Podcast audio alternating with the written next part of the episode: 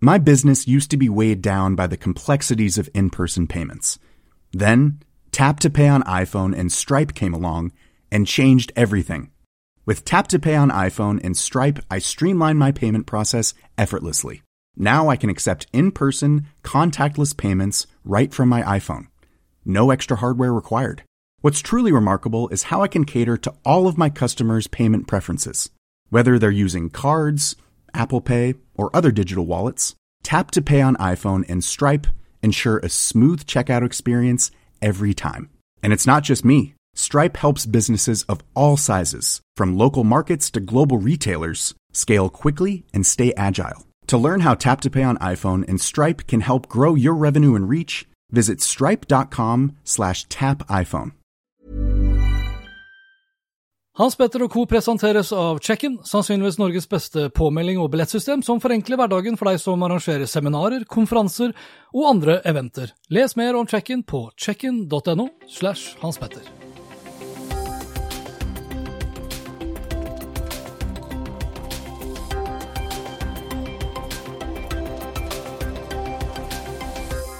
I denne episoden her så skal det annet handle om ytringsfrihet, om viktigheten av å forholde seg til verden slik den er, og om vekstmaskinen Amazon. Velkommen til Hans Petter og co. Jeg heter Hans Petter, og denne episoden ble spilt inn onsdag 4. november. Lenker til alt jeg har snakket om, og øvrige innslag finner du som alltid på hanspetter.info. Denne episoden her blir innspilt fra en hytte som jeg befinner meg på. Jeg pakka sekken, podkastutstyr og diverse annen teknologi og satt kursen forleden dag til Norefjell, nærmere bestemt Gammelseter, som ikke er så langt unna fra kanskje mer kjente Tempelseter, og da for å jobbe litt, gå litt i fjellet og rett og slett være litt alene med meg selv og mitt eget lille hode. Og når jeg sier hytte, så mener jeg hytte, slik hytter var i gamle dager, iallfall nesten, da. Jeg har strøm, men jeg har ikke innlagt vann. Jeg har toalett, men det er et såkalt Cinderella-toalett. Og skal jeg ha vann, så må jeg ut i brønnen, og det her elsker jeg rett og slett. Og jeg er ganske sikker på at Eirik Nordmann Hansen og jeg kommer til å spille minst en episode av Oppgradert fra denne hytta her. Og da kanskje allerede i desember. Ikke nå i november, for novemberutgaven av Oppgradert den tar vi fra kontoret til Eirik, og den episoden skal vi spille inn tirsdag 10. november, samme dag som Apple med ganske så stor sannsynlighet lanserer en ny Macbook, og da med kanskje eget chipset, som da den One More Thing-saken denne gang. Før vi kommer i gang med denne episoden her, så må jeg også da først beklage en feil jeg gjorde i episode 143. Da kom jeg i skade til å si at Disney Pluss hadde fått seg 500 000 abonnenter i løpet av en måned her i Norge. Riktig skulle være at de har skaffet seg over 500 000 daglige seere, og det er to vidt forskjellige ting. Rett skal være rett, selv om det er imponerende i seg selv med 500 000 daglige seere også. I episode 143 så snakket jeg om TikTok og Vest politidistrikt som brukte tiåringer som eksperthjelp for å lykkes på den kinesiske plattformen. Kampanjen tok opp saken og publiserte en artikkel som tok for seg min kritikk samt tilsvar fra Vest politidistrikt. Og det er svaret fra politiet jeg har lyst til å ta opp i denne episoden her. Og nå skal ikke jeg gjenta meg selv altfor mye, men jeg syns det er spesielt at politiet henter eksperthjelp fra tiåringer bare så det er sagt, spesielt da med tanke på at det er 13 års aldersgrense satt av TikTok-plattformen selv. I tillegg synes jeg også det er spesielt at politiet faktisk satser på TikTok, når vi blant annet vet at kinesiske TikTok ikke forholder seg til de nye EU-reglene som bestemmer at personinformasjon om europeiske borgere ikke skal bli sendt ut av EU, og her sier TikTok selv at dette først vil være på plass i løpet av 2022. I tillegg vet vi ikke om TikTok sender fra seg informasjon til kinesiske myndigheter, som i tillegg kan velge å gi fra seg den samme personinformasjonen om deg og meg og barna våre til for eksempel statssponsa hackerangrep. Det vet vi ikke. Svaret fra Vest politidistrikt er at, og jeg siterer, vi må forholde oss til hvordan virkeligheten er. Én ting er hva vi kunne ønske oss, en annen ting er hvordan det faktisk er. Og det er jeg helt enig med politiet om. Det er viktig å forholde seg til hvordan verden er. Og når det kommer til verden, og da virkeligheten, ja, så må vi jo forholde oss til at TikTok er et kinesisk selskap. Vi må forholde oss til at TikTok kan bli krevd å overlevere personinformasjon til de kinesiske myndighetene, og vi må forholde oss til at TikTok i tillegg kan bli pålagt å ikke informere hvis det skulle skje. I tillegg så syns jeg også politiet bør forholde seg til og anerkjenne at TikToks algoritme er ganske så annerledes enn de algoritmene vi er kjent med fra f.eks. Facebook, Snapchat, Instagram med flere.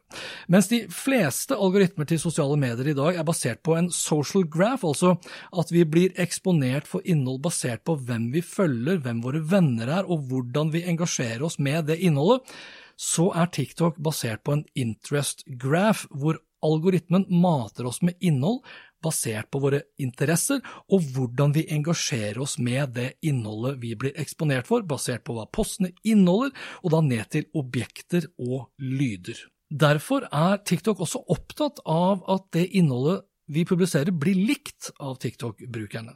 Blant annet kom det frem i et lekket dokument for en stund tilbake at TikTok forsøkte å filtrere ut videoer fra ikke fullt så attraktive brukere, hvis vi kan si det på den måten, fra brukere som eksempel var overvektige, brukere som åpenbart hadde ølmage, som det kommer frem, eller rett og slett ikke var så pene å se på. Og det fikk også norske Linnea på 20 år erfare. VG skriver 2. november at 20-åringen opplevde at TikTok-kontoen hennes rett og slett ble fjerna, og at årsaken var at hun hadde lagt ut for mange videoer der hun viser at hun har, og jeg siterer fra VG, ekstra fett på kroppen. TikTok hadde varslet henne om at hun måtte slutte å legge ut så mye kropp, men det var kun de videoene som viste ekstra fett på kroppen som ble stemplet som brudd på retningslinjene, og som ble fjernet. For de av dere som er på TikTok, så mangler ikke på kvinnehud på flere av dansevideoene som blir lagt ut, men det er altså når det er valkete hud at problemet oppstår. Og det er i seg selv problematisk og bidrar kun til økt kroppspress. Og når årsaken til at Linnea Løtvedt legger ut videoer som viser valker, er at hun er opptatt av å spre positivisme rundt alle typer kropper, og at dette er viktig å snakke om, ja, så blir det ekstra problematisk at TikTok velger å fjerne kontoen hennes som følge av ekstra fett på kroppen. Hun har åpenbart også vært flink til å spre denne formen for eh, positivisme knytta til kroppen, for da TikTok valgte å fjerne kontoen hennes, ja, så hadde hun over 170 000 følgere.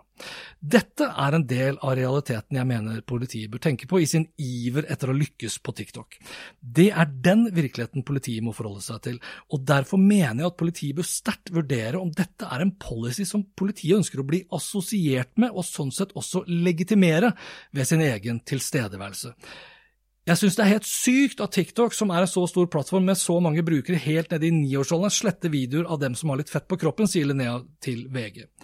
20-åringer tror det kan skape et stort kroppspress for dem som er unge og usikre, og etter at saken ble skrevet om, blant annet hos VG, så har TikTok åpna brukeren til 20-åringen, men Linnea har i likhet med VG ikke fått svar på gjentatte henvendelser til TikTok.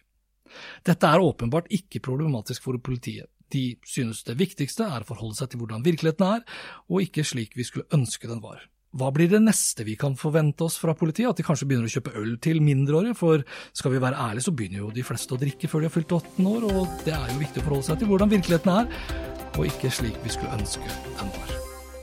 Om litt så får du blant annet høre at USA slipper opp på Huawei-restriksjonene, og at julehandelen på nett kommer til å tredobles, men først det her. My business used to be weighed down by the complexities of in person payments. Then, Tap to Pay on iPhone and Stripe came along and changed everything. With Tap to Pay on iPhone and Stripe, I streamlined my payment process effortlessly. Now I can accept in person, contactless payments right from my iPhone. No extra hardware required. What's truly remarkable is how I can cater to all of my customers' payment preferences. Whether they're using cards, Apple Pay, or other digital wallets, Tap to Pay on iPhone and Stripe ensure a smooth checkout experience every time. And it's not just me. Stripe helps businesses of all sizes, from local markets to global retailers, scale quickly and stay agile. To learn how Tap to Pay on iPhone and Stripe can help grow your revenue and reach, visit stripe.com/tapiphone. I'm Sandra, and I'm just the professional your small business was looking for. But you didn't hire me because you didn't use LinkedIn jobs. LinkedIn has professionals you can't find anywhere else, including those who aren't actively looking for a new job but might be open to the perfect role, like me. In a given month, over 70% of LinkedIn users don't visit other leading job sites. So if you're not looking on LinkedIn, you'll miss out on great candidates like Sandra. Start hiring professionals like a professional. Post your free job on linkedin.com/achieve slash achieve today. Nå skal det handle litt om ytringsfrihet, altså den friheten vi har til å gi uttrykk for det vi mener og ønsker å si noe om, og da uansett hva slags medium man benytter seg av og uten innblanding fra myndighetene. Ytringsfriheten står veldig sterkt i Norge, og det skal vi være veldig glad for å hegne om og beskytte. Samtidig betyr ikke ytringsfriheten at vi har lov til å si hva som helst. Vi må holde oss innenfor loven, og ytringsfrihet betyr nødvendigvis ikke det samme som ytringsplikt heller. Av og til, hvis man beveger seg på, kall det internetts tvilsomme sider, som for eksempel i enkelte kommentarfelt på Facebook, ja, så får man jo et visst inntrykk av hvor viktig ytringsfriheten er, men da under visse premisser. Premisser som gjerne handler om at man er enige med majoriteten av de som ytrer seg på den respektive Facebook-profilen, gruppen eller siden. Går du f.eks. inn på kommentarfeltet til Resett eller Nettavisen, så må man regne med at ytringene ofte lander litt på høyresiden. Og høyresiden liker ikke å bli motsagt, selv om ytringsfriheten er noe de tar særs seriøst. Og Her om dagen så delte Nettavisen følgende artikkel på Facebook. Karikatur av profeten Mohammed hengt opp på moské i Bergen, og den ble delt med den ganske så greie tabloide statusmeldingen Hva synes du om dette? I løpet av sekundet begynte kommentarene selvsagt å hagle. Blir en provosert, er det bare å flytte til et land som ikke har ytringsfrihet, osv., osv. 1600 kommentarer og nesten 2000 reaksjoner har det blitt så langt. Mange av kommentarene bærer selvfølgelig preg av eh, det mest selvfølgelige, at eh, de som kommenterer ikke har lest saken, eh, og det var for ordens skyld verdens korteste sak, 42 ord totalt. Og viktigst av alt som ble sagt i de 42 ordene, det var at styrelederen Lederen bak moskeen i Bergen ikke ville la seg provosere, men fremmet heller et ønske om dialog. For det her handlet selvsagt ikke om ytringsfrihet, altså da å klistre opp en karikatur av profeten Mohammed på en moské i Bergen. Det handlet om å provosere, og i kjølvannet av de siste islamske terroraksjonene i Frankrike, da friskt i minne. Sjelden eller aldri gidder jeg å bruke tid og energi på å diskutere disse sakene her i kommentarfeltet på Facebook, eh, fordi det fører ikke til noe som helst. Denne gangen så ville jeg rett og slett bare se hva reaksjonen ble hvis jeg gjorde det, og derfor skrev jeg utrolig provoserende, respektløst og rett og slett lite voksent. Punktum. Det ble 700 reaksjoner og nærmere 250 kommentarer, og her er det for så vidt viktig å legge til at svært mange av reaksjonene var tommel opp, altså flertallet av de som responderte med en reaksjon, de responderte med en tommel opp, altså de var enige med meg. Kommentarfeltet derimot, det bar nok preg av det motsatte. Den første kommentaren som dukket opp var nei, nei, når man blir provosert av en tegning, det er da man må vokse opp.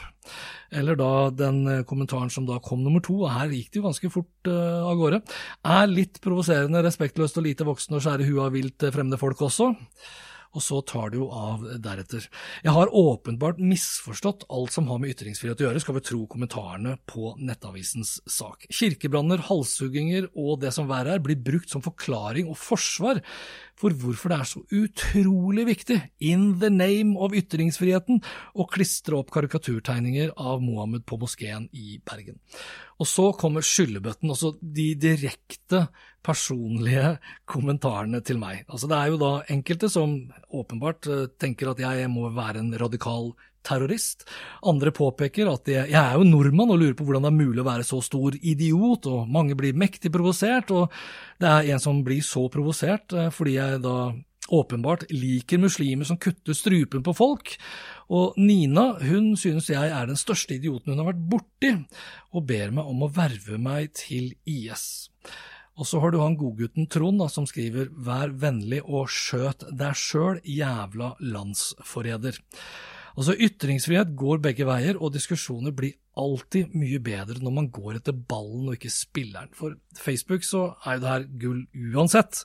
For Facebook tjener jo ikke sine milliarder på at du og jeg har en god, saklig og mellommenneskelig diskusjon.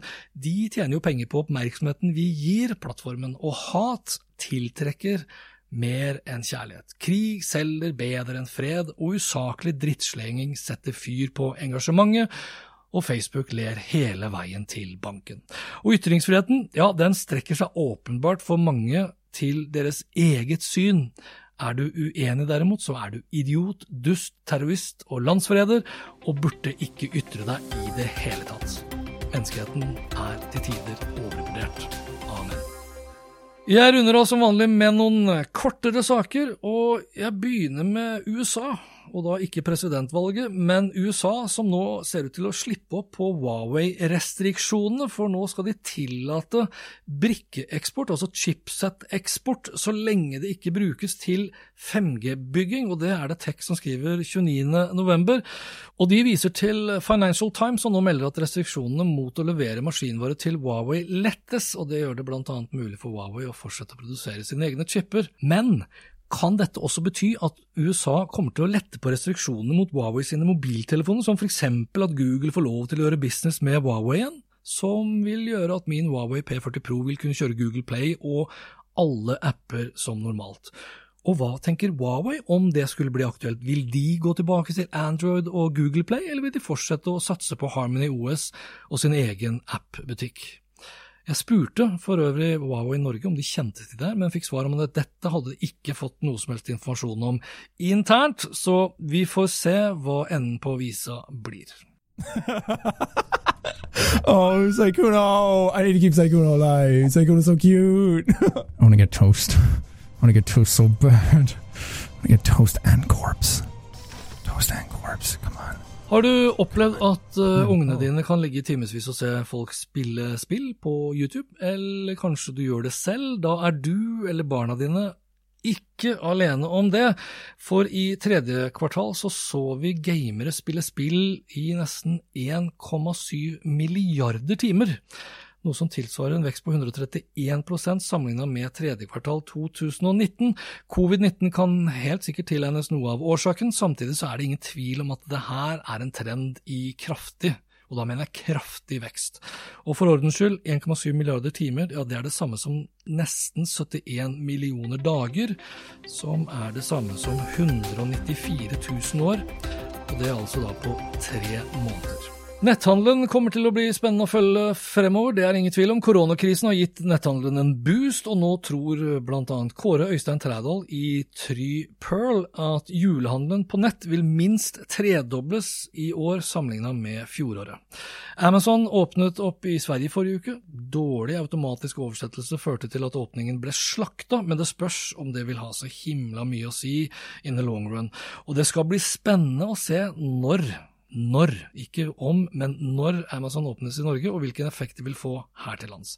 I tillegg skal det også bli svært spennende å se hvordan netthandlere vil tilpasse seg en realitet uten tredjeparts cookies, og når Apple da effektiviserer endringene i IDFA, altså Identifiers for Advertisers, kan det her f.eks. være starten på slutten for personalisering og plagsomme remarketing-kampanjer, f.eks. For Forrester tror at 2021 vil preges av lokalisert og lojalitetsbaserte markedsføringstiltak, ikke personalisering som da vil gagne de store aktørene som har store kundeklubber på plass allerede, som f.eks. Elkjøp og Komplett, og da ikke minst Amazon.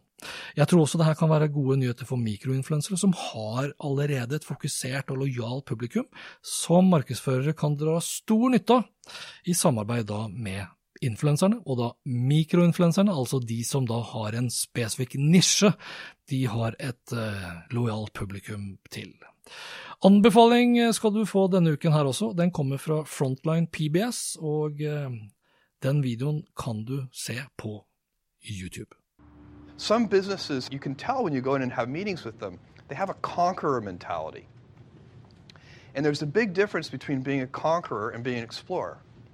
And I think in you know this very inventive space that we're in, um, it pays to explore. But to some watching Amazon's growth, the company was falling short of that ideal and taking steps to make sure nothing got in its way. In 2013, Amazon was moving to create its own delivery system and made a key decision. Rather than hire its own drivers, it built a network of independent businesses to deliver packages. Det du hørte litt lyd fra her, var fra Amazon Empire, The Rise and Reign of Jeff Bezos, og tar deg med på innsiden av Amazon for å gi deg et innblikk i hvordan Jeff Bezos bygde det som i dag er en av verdens største og mest innflytelsesrike økonomiske krefter i verden, og det på godt og vondt, for å si det mildt. Den bør ikke minst ses av de 80% av norske netthandlere som ikke frykter Amazon. For Bezos, it's always been about one thing his vision for the future. I want you to think about this. This vision sounds very big, and it is. None of this is easy, all of it is hard, but I want to inspire you, and so think about this. Big things start small.